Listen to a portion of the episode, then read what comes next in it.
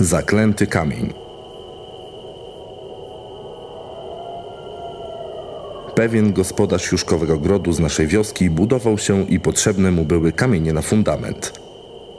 Przyjechał więc furmanką w miejsce zagajnika, gdzie leżały pokaźnej wielkości kamienie wokół historycznego zbiorowego grobu pochowanych Szwedów.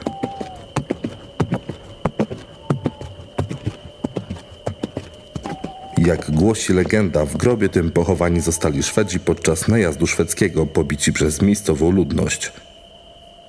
Zabrał więc ów gospodarz pokaźnej wielkości kamień, załadował na furmankę i zawiózł na swoje obejście gospodarskie. Wieczorem, jak tylko zasnął, ktoś zaczął stukać do okna. Gospodarz wstał więc i patrzy, że stoi jakiś nieznajomy i mówi do niego Masz jutro odwieźć na miejsce mój jedyny podarek świata. Gospodarz tak się wystraszył, że następnego dnia odwiózł kamień i zakopał go na tym samym miejscu, gdzie leżał poprzednio. Ludzie dowiedziawszy się o całym wydarzeniu, omijali to miejsce, zwłaszcza nocą. Lepiej nie kusić złego, powiadali, a kamień spokojnie sobie leży po dzień dzisiejszy.